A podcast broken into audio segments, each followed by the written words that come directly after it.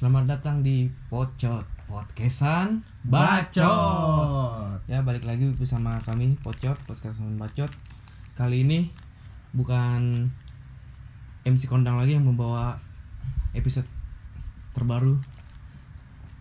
Digantiin dengan gue MC kondangan. MC Kol MC ya MC MC umum ya MC absurd. MC kameran. MC kamerat.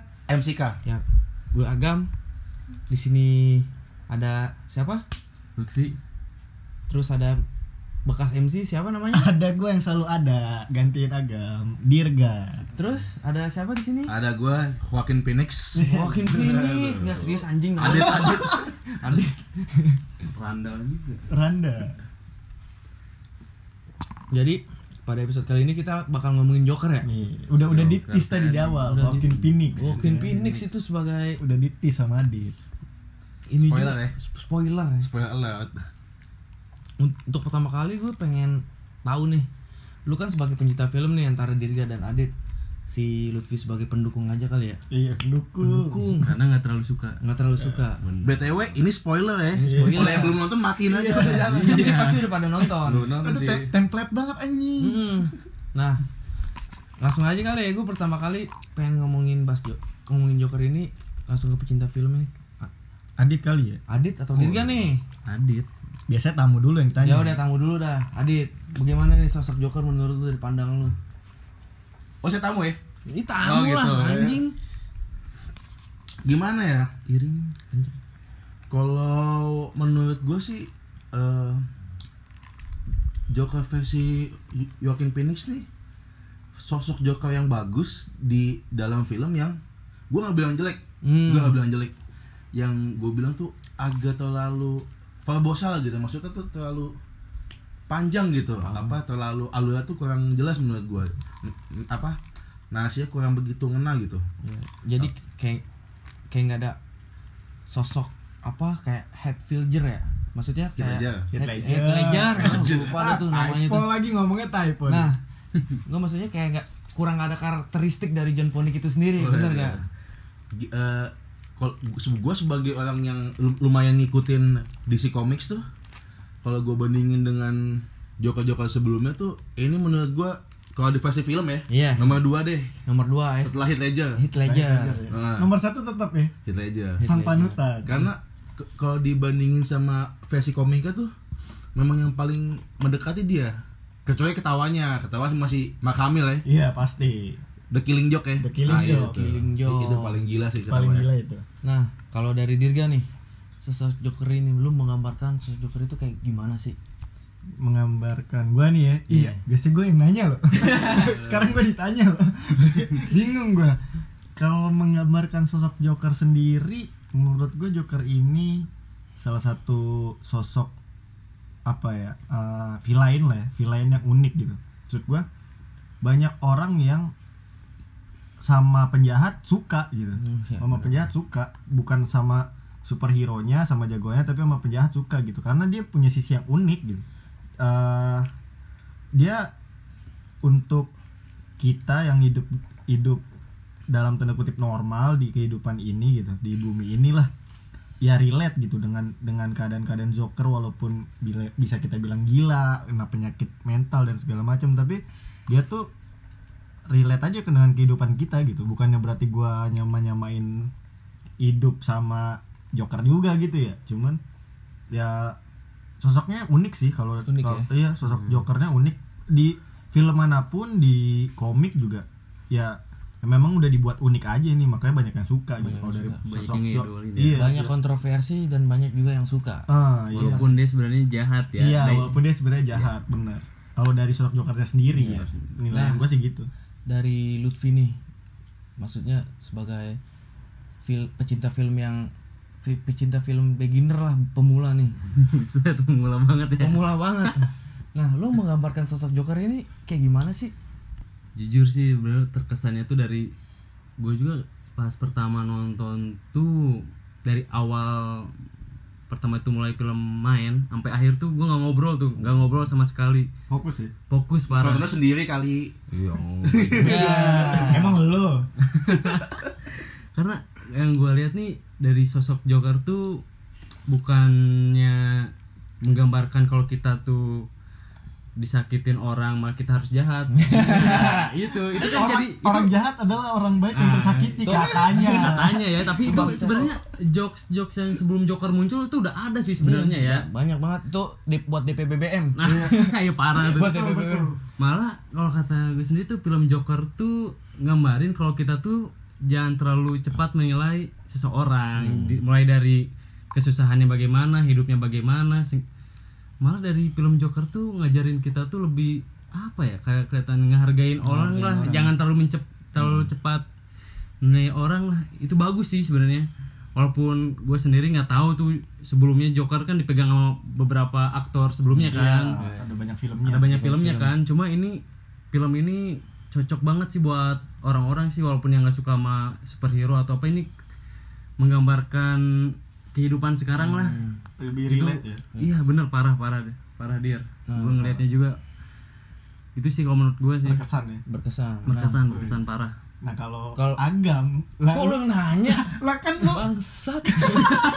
Ya nggak apa-apa. kan moderator ya kan? Dia Iya. udah nanya kita tanya balik Oh, nih. iya, iya, Jadi, nah kalau dari lu nih gam. Gue meneruskan dari perspektif Lu- Lutfi aja ya. Tahu dari sosok jokernya dulu deh iya kan lu kan Sosok lu Joker tahu dulu, iya. lu Yang tahu moderator siapa sosok jokernya dulu Iya. deh. Kalau dari sosok Joker ya, gue jujur aja pertama kali tahu Joker tuh di dari The Dark Knight ya. Pertama kali tuh gue kayak merasa ini tokoh menurut gue keren banget gitu. Hmm. Suatu tokoh yang menggambarkan kalau dalam filsafatnya Nietzsche tuh dia sudah men- pencapaian tertinggi untuk berkendak untuk berkuasa gitu. Waduh. Hipopotamus ya. Udah nih Jadi sosok Joker ini kalau menurut gue ya dia mencapai apa yang disebut ekstens eksistensial sejati gitu.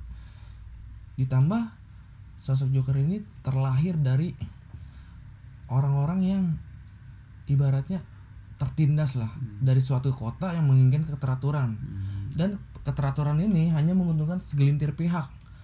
Maka ada pihak-pihak yang sekiranya tidak mendapatkan hak istimewa ya. Kayak gitu. Nah apalagi kan di film Joker yang terbaru itu dia kayak ngerasa nggak percaya gitu terhadap psikiater gitu. Iya benar benar. Dia nggak pernah dia emang dengar ceritanya.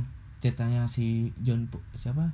Eh, Arthur Fleck. Arthur Fleck. Arthur Fleck. Arthur Fleck. Arthur Fleck dalam film itu tapi ya. merasa tidak didengarkan ya. tapi dia merasa tidak dengarkan itulah kalau menurut gua ya orang-orang kayak gitu tuh emang sebenarnya ada benarnya quotes itu orang orang baik orang jahat Eh, orang jahat. orang baik yang orang baik yang tersakiti. tersakiti ada ada salahnya karena emang nggak Gak semua gitu nggak nggak semua orang kayak gitu itu sih kalau menurut gue ya Iya. lanjut gam balik lagi Lanjut. kagak balik lagi ke gue anjing eh gue pengen nanya lebih lanjut tentang sosok Joker ini kalau menurut pertama siapa kali? Dirga. Padit nih. Ya terserah moderator. Oh, gimana? dari sisi apa namanya peran atau estetika dia memerankan suatu Joker kan? Apakah sama dengan sosok Joker hit Fleet Fledger ya? Heath Heath eh, Ledger. Heath Ledger gue lupa mulu typo mulu. Iya itu Kalau tim wise anjing tim wise. Tim Wise. Ka- kalau secara tema sih eh gue tuh selalu nangkap gini loh. Setiap Joker yang di, dibuatkan film itu atau muncul di sebuah film biasanya tuh punya tema sendiri. Iya benar. contoh eh, Heath Ledger tuh mungkin temanya mungkin lebih ke anarkis gitu kan. Hmm, chaos. benar. Ya kan? Terus eh, Jared Leto mungkin temanya damage gitu kan. Gue gue juga nggak ngerti konsep maksud apa Terlalu apa ganteng damage ya. gitu kan nah kalau apa ya, eh, Joker yang versi Joaquin Phoenix ini kayak bener-bener menggambarkan jadi gini loh Joker itu adalah orang yang punya eh, psikopatologi atau bisa dikatakan penyakit Penyakit kejiwaan gitu kan Iya. mental illness ya? Heeh, dan itu tuh kayak semacam ini loh jadi penyuara terutama di Indonesia ya karena kan di Indonesia tuh hal-hal yang masih yang berkaitan dengan kesehatan mental tuh masih dianggap tabu kan Hmm, Iya. benar benar Benar. itu semacam menyuarakan orang-orang yang entah merasa dirinya atau memang dirinya punya apa masa gangguan me- kesehatan mental itu semacam kayak menyuarakan pendapat mereka gitu loh dan verdictnya adalah bahwa Joker ini memang tercipta dari society dari masyarakat kan Iya. seperti yang lo bilang tadi Iya. eh, di, tercipta karena ada eh, apa pihak-pihak yang punya kuasa membuat ke, apa mem- membuat membuat peraturan yang hanya meng- menguntungkan Oligarki. oligarki. Itu Oligarki. pihak lawan Iya, oligarki.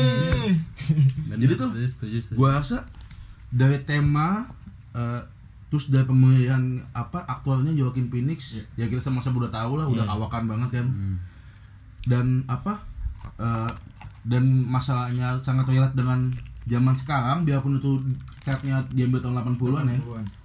Itu menurut gua tuh eh, untuk eh, 2019 itu kayak film yang segar lah segar menghibur dan dalam gitu. Dalam ya. dan terlebih lagi temanya superhero biarpun dia villain maksud gua kan masih dalam DC Comics gitu loh. Itu menurut gua menarik banget sih gitu. Oke silakan. Siapa? Nah, untuk diri Gas sendiri tanggapannya kan dari yang tadi gue bilang tuh bagaimana sosok Joker dari segi estetika maupun perannya dia kan si Joaquin Phoenix ini apakah sesuai ekspektasi dengan perannya Heath Ledger? Dengan per, perbandingannya, perbandingannya gitu komparasi. Gue pengen awal gue pengen ini dulu apa namanya ngomongin tentang keseluruhan filmnya kali ya. Eh, kalau menurut gue ini film yang benar kata Adit ini tuh beda gitu. Hmm. apalagi eh sesosok villain gitu apalagi Joker difilmkan solo gitu. Tidak i- kan biasanya kalau film Joker udah ada pasti Batman Iya. ya kan? Apa Jadi- enggak nyambung di film-film DC ada antitesisnya. Ada antitesisnya. Tapi ini dijadiin film solo gitu. Kalau dari keseluruhan kalau menurut gua uh, filmnya pertama dari sinematografi gua gue suka banget tuh. Iya benar uh, apa namanya scene-scene tempat ya kan? Itu bener-bener bener-bener bagus sih kalau menurut gua untuk film villain lah nah gue setuju juga Adi tadi yang di pertama. Sebenarnya ini film ini nggak berat. Ini tuh film nggak berat gitu. Sebenarnya narasinya tuh uh, dia tuh gampang untuk dicerna gitu. Mungkin yang bikin orang-orang bilang berat itu mungkin ya karena mereka memang nggak ini aja sih Nggak tahu. iya nggak tahu atau mungkin nggak ngerti atau mungkin kurang paham gitu sekedar ikut-ikutan juga Nah itu dia sekedar ikut-ikutan. Bener. Sebenarnya tuh narasinya mudah gitu. Lu cuman ini kan intinya orang yang sakit terus dapat penolakan juga iya ya dapat penolakan di dari sekitarnya. dari sekitarnya terus jadilah sosok seorang penjahat gitu. Eh, kalau menurut gua sih ke- dari keseluruhan bagus. Terus tadi pertanyaan agam perbandingan sama Heath Ledger kalau gue pribadi gue tetap Heath Ledger Heath Ledger pasti. Yes. karena ya benar yang Jadit bilang tadi dia tuh Heath Ledger tuh bener-bener meranin sosok Joker ini secara sempurna sih. Nggak ada miss itu kita tuh susah ngeliat missnya gitu. Saking saking dia sempurnanya memerankan sosok si Joker ini eh, susah gitu untuk nyari nyari jangan kan kekurangan kesalahannya aja pun susah gitu tapi kalau Joaquin Phoenix ini ah kalau menurut gua dia berhasil sih untuk memerankan si sosok si Joker ini. Khusus khusus untuk memerankan sosok Jokernya dia udah sempurna banget sih kalau menurut gua dengan lenggak-lenggoknya ya kan? Iya sih benar iya lenggak-lenggoknya tuh lu kayak itu natural gitu kayak nggak dibuat-buat sampai Lenggak- dia ngurusin badan iya itu itu pak itu totalitas banget Totalitas, sih ya. ngurusin badan terus ketawanya Iya. gitu kan jadi apa ya kalau dari segi aktornya pem- meranin sosok Joker si Joaquin Phoenix ini menurut gua udah sempurna Oke gitu ya. udah oke gitu cuman memang kalau dibandingin sama Heath Ledger kayaknya masih ada satu tingkat di bawah lah Nah, satu Ma- tingkat di satu bawah. tingkat di bawah. Heath Ledger lah Nah, Sepakat gua kalau iya itu. masih tetap satu lah Heath Ledger kalau menurut gua dari dari peran Joker ini Nah, Lutfi tanggapannya dari sosok Joker ini dari segi perannya maupun dari Perannya. apa estetikanya keindahan dia bermain hmm iya iya dengan jiwanya dia sendiri gimana menurut lo nih? Ya, kalau gue nggak bisa ngebandingin ya sama Joker Joker yang sebelumnya karena Oh. nggak terlalu nggak terlalu ngikutin. Hmm. Ini aja gue nonton gara-gara diajak. Diajak. Iya. terus rame juga Iya ram- rame. Tapi lo nge-tweet gak?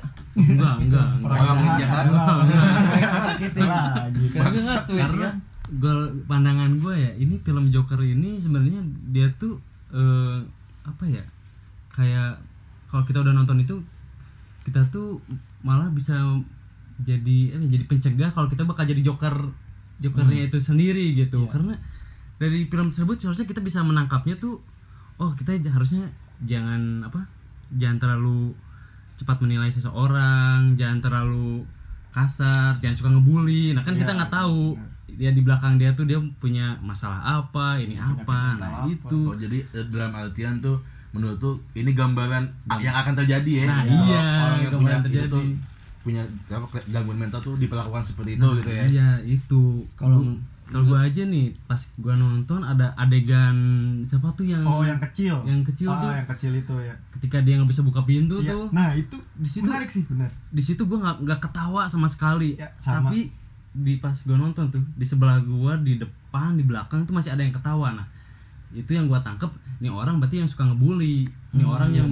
yang ngebuat joker itu sendiri. Karena, Karena dia memang- masih Ah. apa ya ngebully juga gitu. Karena memang nggak ada sisi lucunya kalau gue pribadi. pribadi nggak uh, ada. si- scene buka pintu itu kayak orang ketawa terus gue mikir kayak apa yang lucu Apa yang gitu? lucu nggak ada yang lucu di ya? situ. Kalau gue sih ya. Bener. Nah itu udah kelihatan sih orang-orang mana mana yang bu- ini pandangan gue ya. Ketika di situ emang bener-bener diuji ini mana orang yang suka ngebully mana orang yang masih bisa gimana ya apa ya bahasanya kayak eh, ngemaklumin perbedaan lah apa dari fisik segala gitu. Di situ kelihatan skin itu tuh. Ketika orang ketawa oh udah ini orang nih berarti suka ngebully fisik orang lain gitu. Nah itu. Pandangan gue situ parah sih kalau film ini bener-bener Keren. Ngega- keren lah ngegambarin suasana kita sekarang lah. Kalau gue pribadi sih dari film Joker ini ya. oh ada yang nanya ya nggak apa-apa Maksudnya gue pengen ngerangkum gitu Oh, dari, iya, iya, lu bahas dari apa namanya kutipan lu semua. asik yang gue tangkap sih ada satu sisi yang memang mental illness ini sebagai hal yang tabu di Indonesia. Berkat Joker ini mental illness lagi jadi isu di jadi isu utama lah di media cetak Jadi Indonesia penting bahwa- ya? Jadi penting itu. Hmm. Jadi waktu itu gue baca ya jumlah psikiater di Indonesia tuh nggak lebih dari seribu kalau nggak salah.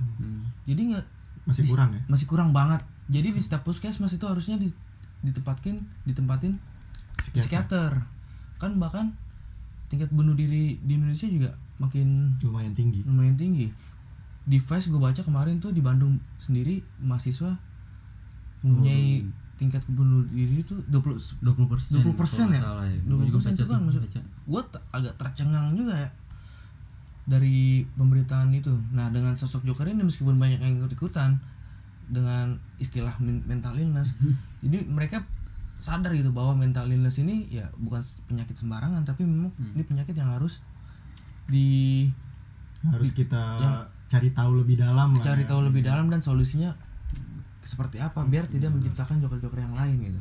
apalagi relate juga kan dengan scene yang dia apa obat obat dia habis terus ini apa istilahnya BPJS lah ya BPJS. ditarik ya kan itu kan istilahnya eh, ngegambarin kehidupan kita apalagi di Indonesia sekarang gitu kan BPJS ditarik terus obatnya habis istilahnya benar kata Agam tadi gitu kayak ya jadi lebih aware aja dengan kesehatan mental gitu di Indonesia gara-gara itu gitu. Nah, gue ada pertanyaan ini ya, maksudnya di Indonesia sendiri kan tingkat pembulian terhadap sesama itu masih tinggi banget ya. Nah, mungkin dari sosok Joker ini menggambarkan bahwa emang setiap pembulian itu memang tidak baik, apalagi kasus terbaru kemarin tuh yang artis Korea meninggal kan, Oh, yang bunuh diri. ya gara-gara dia sering dibully kayak kalau kata teman gue tuh yang pecinta K-pop, Gitu. K-pop K-popers. dia gara-garanya gara-gara itu eh, pacaran sama yang lebih tua padahal nggak tua-tua amat cuma di situ dibully. Habis di habis pacaran putus setelah itu dia sering apa dia sering juga memposting pakaian seksi kan bikini segala macam masih dibully juga. Maksud terus eh setelah isu itu selesai kan dia masih dibully juga dia gara-gara salah ngomong di Hmm. TV di media apa namanya di, tel- di media televisi televisi. televisian lah nah gue ada sat gua ada pertanyaan nih menurut dari lu semua untuk lu semua dari lu semua nih grogi Oh. jadi MC Selamat datang di Pocot. nah lu pernah gak sih ngerasain bully tuh semasa bully maupun membully ya Hmm. selama lu hidup maupun terutama sekolah lah itu paling sering banget kan bully membully tuh nah kalau dari adit pantas gak bully membully itu masih ba- akan terus ada meskipun dalam konotasi balik lagi bercanda gitu Ini berarti pendapat gue ya. iya Pendapat gue sih gini pak. Sebenarnya bully itu adalah salah satu bentuk dari eh, intimnya hubungan persahabatan. Menurut gue bisa diartikan seperti itu. Karena gini loh. eh, kadang itu kita tuh sama teman sendiri tuh ketika teman kesusahan kita akan bantu. Tapi setelah kita bully berkali-kali dulu, contoh misalnya dia putus sama pacarnya, yang tadi dia nggak pernah main sama kita tiba-tiba main lagi, pasti sebelum kita hibur kita bully dulu kan? Hmm, kan menurut gue tuh itu tuh bisa mempererat hubungan per- pertemanan gitu loh. Tapi kuncinya adalah begini ketika kita membuli menurut gue kita harus menempatkan diri kita sebagai kita tertawa bersama dia bukan mentertawakan dia gitu loh tapi masalahnya untuk sampai ke tahap itu kan susah. Orang hanya orang hanya biasa tuh bully tuh ya hanya se- sederhana aja. Pokoknya yang gue liat kurang di lu ya gua gua ucapkan. Meskipun sebenarnya ingat kata Aditya Dika jangan pernah menghina apa sesuatu sesuatu pada orang yang tidak bisa dia ubah. Contoh bentuk fisik misalnya eh ah lu apa kaki lu nih apa pendek sebelah, itu nggak bisa diubah dong. Iya. nah kita tuh bisa menempatkan eh, diri kita kalau apa bagi gimana sih perasaan kita kalau kita jadi korban yang dibully itu? Hmm. sakit dong. Iya nggak? Iya. Dong. Iya dong.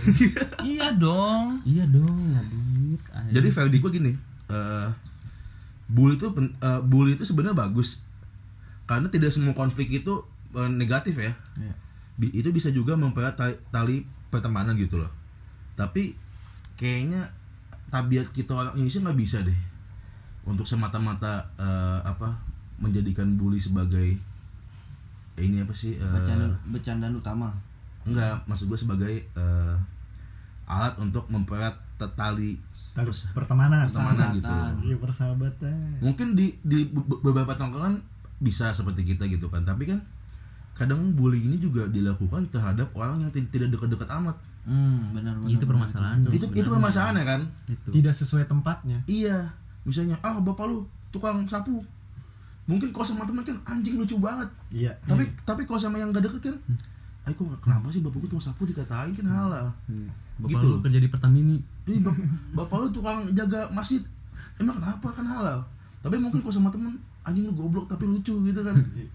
Iya, iya. jadi sebenarnya komedi itu apa se- kayak ini pak. Kayak apa semacam pisau dua yang punya dua bilah dua mata gitu loh. mata. Di satu sisi dia bisa eh ke depan bisa motong ke belakang bisa motong. Iya enggak hmm. menurut gua gitu sih. Terus untuk bully ini sendiri lu pernah gak sih ngalamin gitu? Selama lu sekolah maupun kuliah gitu? Mau bersosialisasi. Oh pernah sih gua. SMP sih tiga tahun. Yang menurut lu itu menyinggung perasaan lu kan? Menyinggung perasaan lu tuh rasanya gitu lu kayak gimana sih jadi korban bullying gitu. Kalau gua sih dibilang korban bullying enggak juga.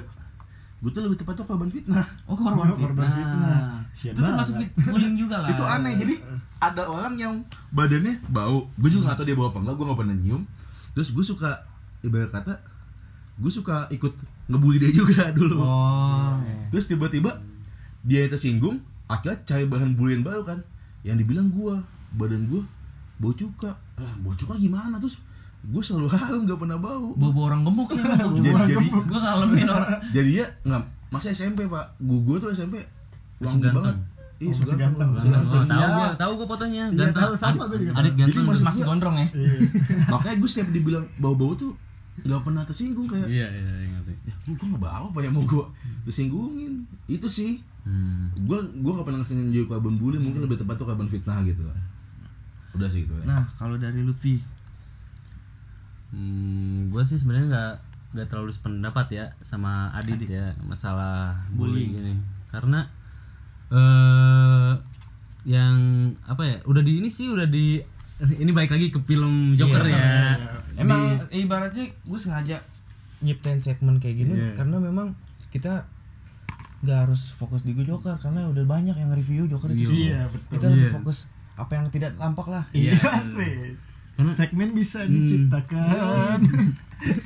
itu kelihatan banget ketika si Arthur Fleck tuh dipecat nah di situ kan dia eh, jatuhnya orang lain eh, teman-temannya tuh pada ngebully dia kan Hmm. dia masih tetap ketawa tuh nah pas dia tetap ikutan ketawa kan ketika dia keluar dari tempat itu kelihatan wajah sedihnya Iya. nah itu lagi baik lagi jadi sebenarnya orang yang sering kita bully kan kita sebenarnya kalau yang ngebully itu kita nggak ker- nggak kerasa ya kita ngebully orang ini atau enggak yang yang ngerasa tuh yang dibulinya nah dia tuh ikutan juga ketawa sama kita cuma nggak tahu kan hatinya kayak gimana kan.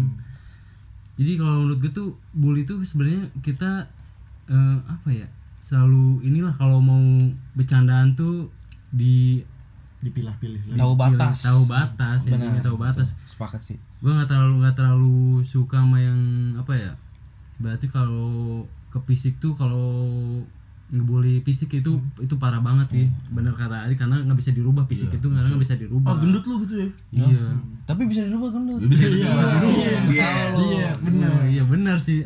Ya- yang nggak bisa dirubah apa berarti oh lu PKI itu udah berat kalau dia lu PKI itu udah berat. oh itu berat, itu itu udah bully ya? itu Udah bully Udah banget. termasuk bully ya? Iya. itu menurut Sokrates ya Udah lu tuduh Kompas PKI. Populus ya Udah, tu- udah tuduh PKI, ateis, ya, liberal, komunis, radikal. Radikal cingkang radikal, cingkrang tuh banyak banget. padahal lupa cukur jenggot Nah, itu masalahnya. Nah, kalau dari diri gue sendiri nih menanggapi. Eh, tadi dulu dia udah selesai belum? Udah kan? Udah lah, udah, udah. udah. ya udah Udah. Dari diri diri Dari gua bully. Ah, gue sih pengen nerusin aja dari kata-kata Adit. Sebenarnya balik lagi sih ah, di Indonesia apalagi bully dan ngecengin bercanda Beda ya? itu tuh susah gitu susah dibedain Susah gitu. dibedain. susah bedain karena apa ya di Indonesia sendiri bercandanya juga sebenarnya maksudnya tuh ngebully juga Ngebully gitu. juga. iya Bener gitu sih. jadi apa ya masih masih ngeblur istilahnya loh antara bully dan bercanda tapi gue sepakat juga apa eh, lebih ke konteksnya aja mungkin kalau lo emang mau bercanda lo harus lihat dulu nih konteksnya kayak kayak, kayak gimana konteks eh, terus tempatnya di mana gitu lo bercandanya sama siapa gitu kalau emang memper mempererat eh, pertemanan seperti yang dibilang Adit ya ada benernya juga karena eh, namanya temen gitu satu tongkrongan dan apa pastilah nggak mungkin eh, lu bercanda-bercanda yang menyerempet-nyerempet bully ya kan Hmm, kan? iya. iya kan kalau di tongkrongan dan tem- pertemanan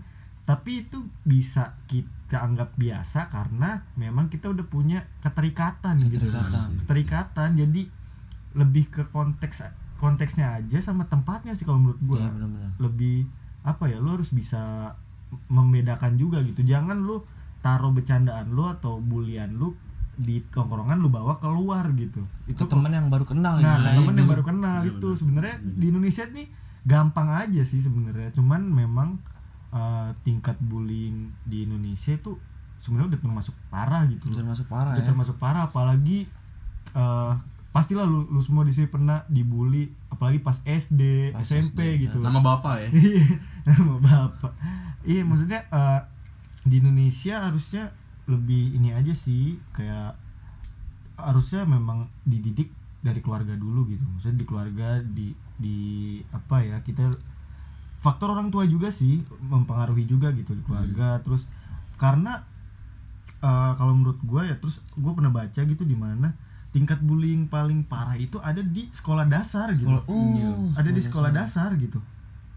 Gue lupa tapi gue Kata-kata orang tua. Iya kata-kata orang tua terus kayak uh, lu lu Hmm. Fisik, miskin ya. gitu ya lu Fisik, fisik ya. gitu. Fisik juga, bullying bullying paling parah menurut gue di Indonesia tuh ya di tingkat sekolah dasar makanya eh, mumpung ini film Joker lagi naik gitu ya terus lagi diangkat banget topik mental illness dan bullying gitu ya menurut gue sih eh, awalnya ya dari faktor orang-orang terdekat juga sih yang harus ngebantu Bu, nggak sebenarnya bullying nggak bisa dihilangkan tapi bisa dikurangkan gitu bisa dikurangin Iya, gitu sih kalau menurut gue nah kalau yang gue tangkap dari pemaparan lo bertiga ini bahwa bully ini sebenarnya ada ada batasnya ya. Kita harus menempatkan bully bullying ini pada saat yang tepat. Jujur aja gue juga kalau gue berteman kalau gue di tongkrongan kok sama teman-teman gue sebenarnya tingkat bullying itu parah gitu. Parah ya kalau udah deket Parah. parah, parah emang parah banget. Kayak misalkan gue begini. Teman gue ada giginya. Ibaratnya nih dalam arti kata ada yang hitam lah. Itu pak dikatain hitam hitam hitam hitam. Terus gue fisik gue ada yang kayak ra- kulit rada gelap lah dikatain kan kayak dikatanya begini. Coba gam minta doa doa eh doa penari hujan gitu. Minta hujan. Oh iya. Doa doa lucu hujan. anjing. kalau menurut gue itu lucu. Iya benar. Kalau orang yang nggak oh anjing rasis banget nih. Iya. Kalau kata Gopar Hilman kan di saat lu menerima hinaan dari temen lu sebenarnya lu udah meningkatkan toleransi itu sendiri. Iya. itu sih. Idolanya siapa? Adit. Pernah- dari mana? Skut cuy. Skut. Skut. Karena karena dari sebenarnya dari bulian itu apalagi kalau kita nempatinnya bagus gitu di tongkrongan ya Iya. itu sebenarnya malah jadi motivasi tersendiri nggak sih? Iya. Iya kan? Kayak jadi ngasih tahu juga sebenarnya Iya, bully itu itu sema- bikin semakin akrab. Kan? iya, iya. Lu, lu misalnya lu dikatain gendut terus nih temen lu ngerasa oh iya gue gendut ya. Terus dia bisa jadi ada motivasi buat dia Iya. gitu loh. Kayak sebenarnya ada sisi positifnya juga walaupun memang sedikit gitu walaupun memang kadarnya sedikit. Dikit Iya. Itulah pemaparan kami berempat tentang Joker dan bagaimana sosok Joker ini bisa tercipta gitu. Ya, akibat dari itu apa namanya? ada pagawai bebas ya Pergaulan bebas juga. bebas Gila lu seks mulu pikiran nih. selamat datang di pocong Eh, diem gak bangsat. Jadi rangkuman dari episode kali ini kalau dari gua eh sosok kita jangan menciptakan sosok Joker selanjutnya gitu. Iya. Hmm. Kita harus mengurangi apa yang disebut itu bullying gitu.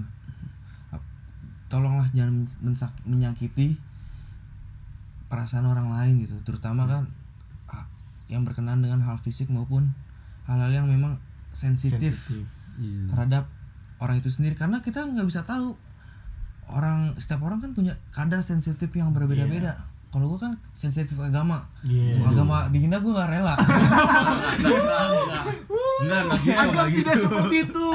Enggak, enggak jangan percaya. jadi pokoknya bullying berhenti di kamu.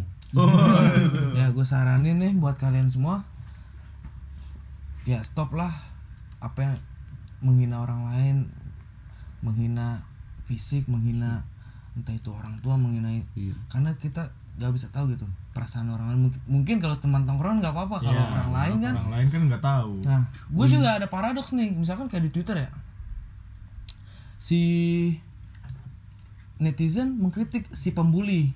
Kan secara nggak langsung si netizen ini udah membuli Bully si juga. pembuli. Iya, Iya, itu itu. Itu paradoks itu paradoks gua. benar-benar Jadi buat menghentikan, menghentikan pembuli ini, gue nggak tahu caranya kayak gimana. iya Ya mungkin dari kesadaran masing-masing kita jangan membuli si pembuli, iya betul tapi menyadarkan si pembuli itu bahwa tindakan yang lu dia, lakukan itu salah dia lakukan itu salah. Itu sih dari gue.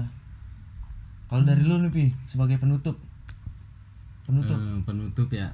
Em, pesan dari film Joker ya dari semua ini ya. Iya, Ya. rangkuman film ini, Film Ini episode ini. sama kayak Agam sih. Jadi film Joker ini diciptain tuh untuk pencegahan ada Joker-Joker yang lainnya.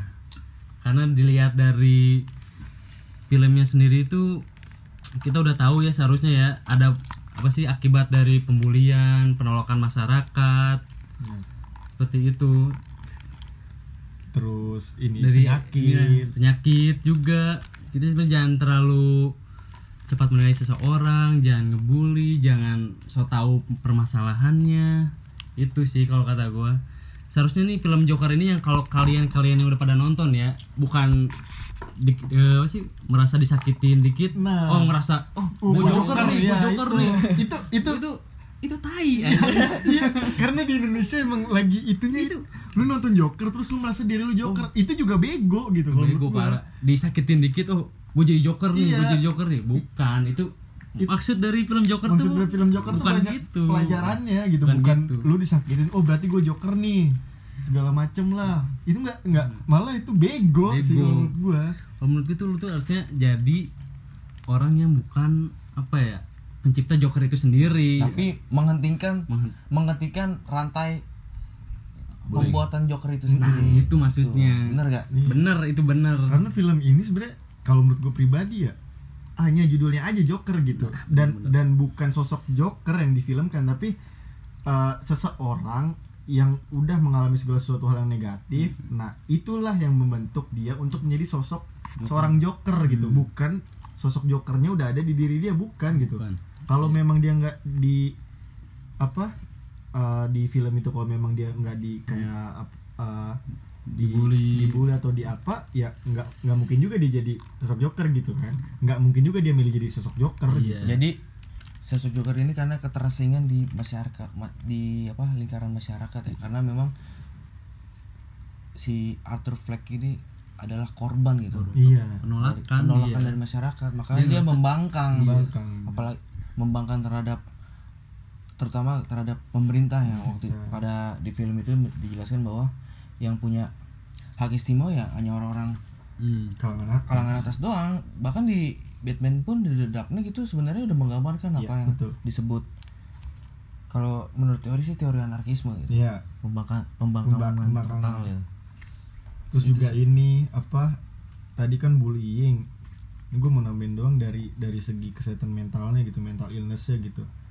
Dari film Joker juga kan uh, kita diajarin sebenarnya gitu.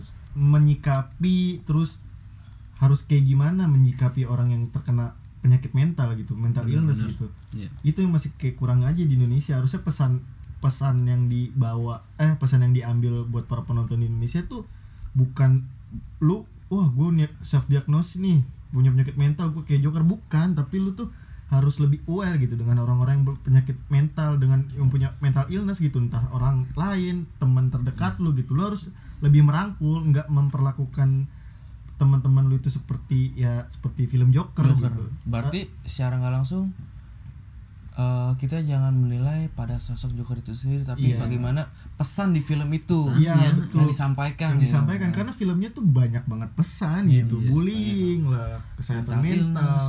terus society juga Hmm. gitu loh bagaimana masyarakat miskin itu tertindas gitu ya oh. nah kalau dari Adit sendiri bagaimana pesan dari sebagai penutup pesan moralnya ya ya Eh, menurut gue sih gini eh,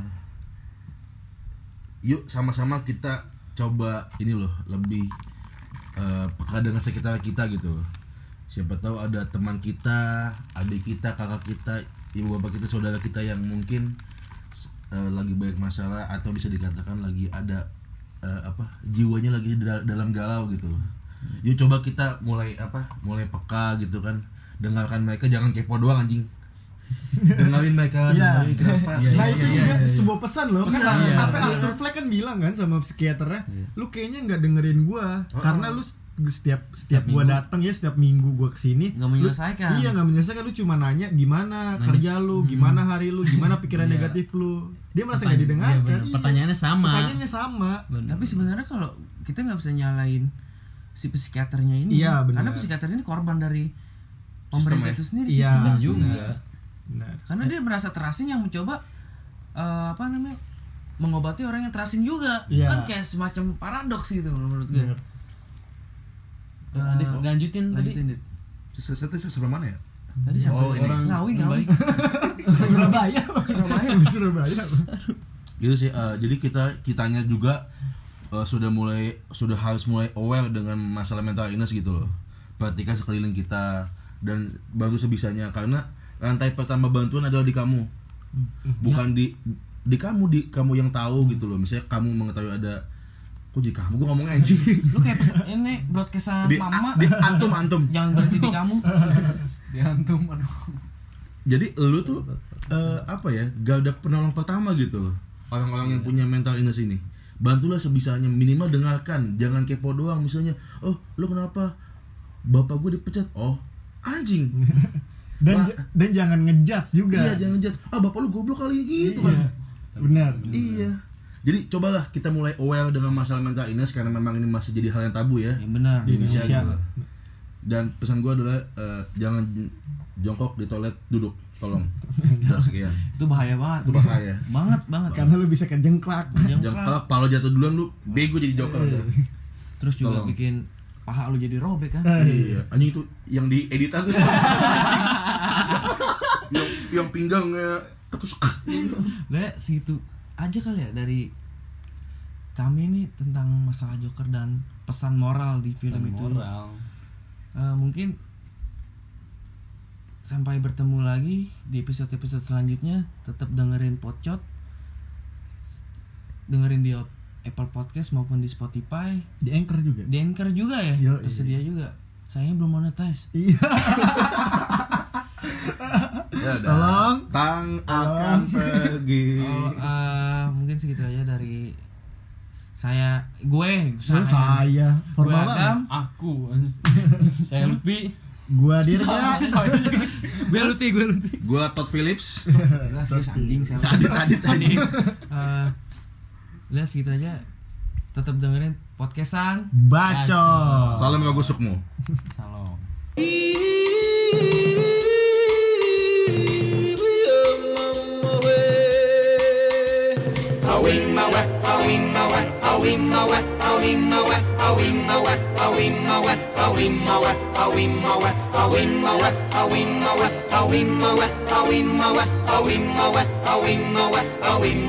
a wee